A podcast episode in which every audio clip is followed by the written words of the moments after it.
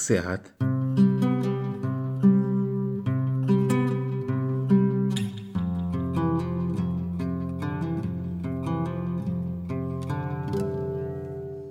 कसैसँग द्वेष तथा अनुराग नराखिकन म दिपेन्द्र बजाचारी आफैसँग गरिएको आत्मलाप हो। विभिन्न समय परिस्थितिमा उब्जेका अनेक प्रश्नहरू प्रश्नहरूको उत्तर अनुत्तरित प्रश्नहरूको गन्जागोल नै नथिङ एक सय आठ हो। म सँगसँगै हुर्कँदै गरेको मेरा मनका अनेक अनेक आरोह अवरोह सहितको यात्रा हो यो।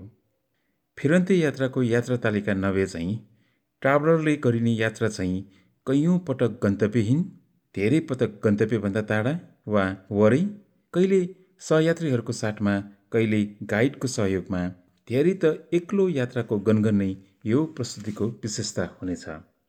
विषयविहीन संस्मरण चाहिँ टाइटल बेकरको निबन्ध चाहिँ यो उकालो ओह्रालो तलमाथि कता कता बहेर गइरहन्छ। निरन्तर। नथिङ एक सय आठ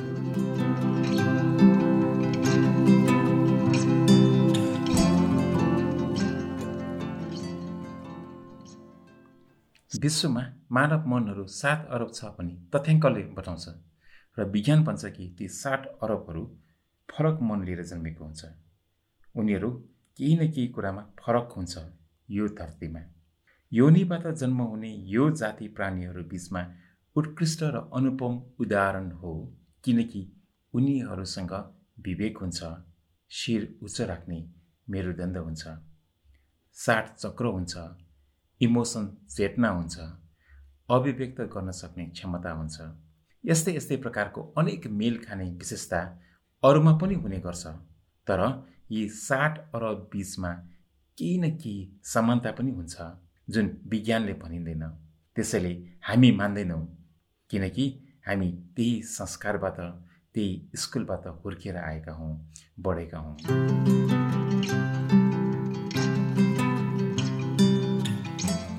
म जस्तै यी साठ अरब जागा जन दुखी हुन चाहँदैनन्। म अहिले पनि किन बाँचेको छु भने म खुसी हुन चाहन्छु। म आज पनि किन बोलिराखेको छु भने म कुनै क्षणमा दुःखी हुन चाहदिनँ। म हर क्षण हर पल खुसी हुन नै सबै थोक गरिराखेको हुन्छु र म जस्तै बाँकी साठ अरब जन पनि मेरो मनसँगै सम्मान गर्छ। र अर्को कतु समानता सबैजना कोही पनि मृत्युवरण गर्न तयार हुँदैनन्। जबकि यी सम्पूर्ण साठ अरब जनलाई थाहा छ कि जन्मपछि कुनै पनि निश्चित छ भने त्यो मृत्यु मात्र नै हो र पनि कोही माइकालाल यो यथार्थलाई स्वागत गर्न तयार हुँदैन। सबैलाई थाहा पाएकै हो लिभिङ इज डाइङ भनेर। थाहा नपाएकोले धेरैले यो पुस्तक पढेकी पनि हो। यही सांसारिक मापदण्डमा अनेक अनेक भगवान् देव मूर्ति हामीले सृजना गरेका पनि हौँ। दुःख नहोस् र कसैको मृत्यु पनि नहोस् भनेर। र पनि जीवनभर प्रत्येक परीक्षाहरूमा उत्कृष्टता हासिल गरे पनि यो परीक्षामा कोही पनि सफल उत्तीर्ण भने भएको छैन। न देव मानिने पात्रहरू देवताहरू नै किन नहोस्?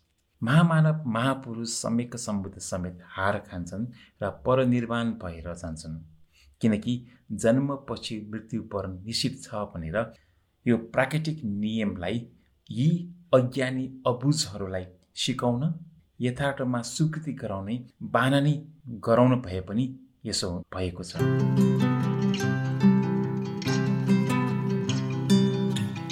मैले यो लेखिरहँदा वा बोलिरहँदा साठ अरबबाट झन्डै छ लाखभन्दा बढी कोभिड उन्नाइसको महामारीमा अकाल मृत्यु वरण गरिसकेको छ। सबैले सबैको दुःख मनाइराखेकी छ दुःख महसुस भइराखेकी छ। दुःख सधैँ सबैको लागि भयावह नै हुने गर्छ। त्यसैले यो शब्द दुःख अङ्ग्रेजी शब्दको अनुवाद सफरिङ हुँदै होइन। शाब्दिक अर्थ धेरै हुँदैमा शब्दमा निहित अर्थ कहाँ अनुवाद हुन सक्छ र देवको मूर्तिहरू आहा कति राम्रो कस्तो कलाकारिता कस्तो शक्ति बोकेको अमूर्च भनेर स्थानान्तर गरेर वा वा त कमाउन सकिन्छ वा सुन्दर म्युजियम बनाउन त सकिन्छ तर त्यही मूर्ति राखेर मन्दिर बनाउन नसक्ने यथा ज्ञान कहिले जान्ने हो हामीले? त्यो अपरम्पार नै छ यो सांसारिक लीलाको। मायाजाल पनि भनिने यो संसारमा अनेक भ्रमहरू विद्यमान छ। साधारण भ्रम त के हो भने हामी बाँचुन्जेल हामी पनि मर्नुपर्ने यथार्थ भ्रममा परिणत गर्ने गर्छौँ। घाटमा कैयौँ पटक आफ्नाहरूको दाह संस्कार गरेर फर्कने समयमा ऊ त मरेर गयो नि। अबको पालो मेरो वा हाम्रो भनेर कहिले स्वीकार्दैनौँ त्यसैले जो कोही पनि यस मृत्यु सङ्ख्याको दाता तथ्याङ्क राख्न सिपालो भएको छ। आज मृत्यु सङ्ख्या एक सय अठारजना नयाँ सङ्क्रमित तिन हजार सन्सनजना। सक्रिय सङ्क्रमित सङ्ख्या एक लाख आठ सय पन्चानब्बे। भेन्टिलेटरमा यति निको भएर घर फर्कनेको सङ्ख्या तिन हजार चार सय उन्चास। दाता तथ्याङ्कको उपलब्धि विश्लेषण गर्नको निमित्त हुन्छ। मानव सभ्यताको विकासमा यसको खासै महत्त्व राख्दैन। साठ अरबमा तिन करोड कताएर यो संसारिकमा हुन सक्ने अभावमा सन्तुलन ल्याउँछ भनेर मूर्खपूर्ण तर्क नै तर्क होइन।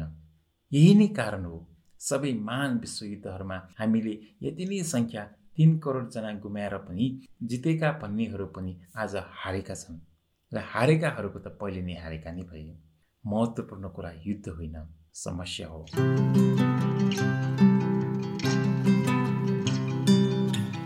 काठमाडौँ सहर पनि भनिने यस प्राचीन नेपाल मण्डलमा परम्परागत एक स्कुलले के भन्छ के सिकाइन्छ भने हरेक समस्यामा समाधान हुन्छ। त्यसको समाधानको उपाय कौशलबाट सम्भव हुने गर्दछ। तर हामी सिपालु भएनौँ व्यवस्था गरिदिन्छौँ र समस्यामाथि समस्या थपिदिन्छौँ। हामी त आफ्नाहरूलाई मिलाएर होइन फुट गराई मेलमिलाप गर्ने कोसिस गर्छौँ। जीवन जिउनु भनेको मृत्युवरण गरिराखेका छौँ भन्नु हामीले किताब पढेर थाहा पाएका भने होइनौँ। हामीले थाहा पाएको थियौँ जन्म मृत्युको चक्र। हामी गौण सम्झन्छौँ र व्यवस्था गरिदिन्छौँ। हामीले त यो पनि थाहा छ कि मृत्यु पछिको जीवनमा थेलीका थेली पुस्तक शास्त्र सूत्र मन्त्र यन्त्र तन्त्र प्रस्तुत छ हाम्रै वरिपरि नै। तर हामी तब मात्र चेट हुन्छौँ जब यही हाम्रो भाषा अनुवाद भएर आउँछ बजारमा। अनुवाद गरी सेकेन्ड ह्यान्ड भएर अरूको भाषामा परिवर्तन भएपछि हामी कनी कुथी गर्ने गर्छौँ हिसाब किताब गर्ने गर्छौँ। जनगणना गरेर प्रकृतिको स्रोत पानी वायु अर्थात् अक्सिजन आकाश अर्थात् स्पेस अग्नि सन्तुलनमा ल्याउने सपना कपो कल्पित नै हो। अज्ञानता हो मूर्ख हो। आज हामी यही मूर्खबाट महामूर्ख हुने पटमा लम्किराखेका छौँ। जीवन आफैमा एउटा सुन्दर सृजना हो यो हुर्कन्छ। यो दीप हो।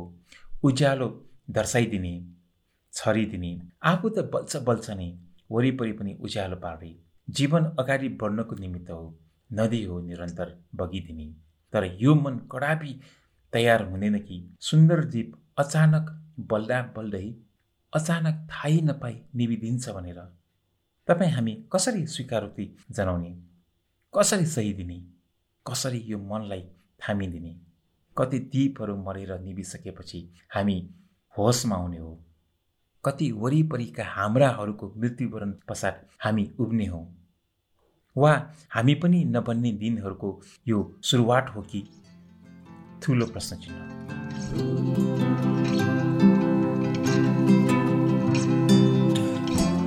अबको अर्को भेट अर्को पटक नथिङ एक सय आठमा।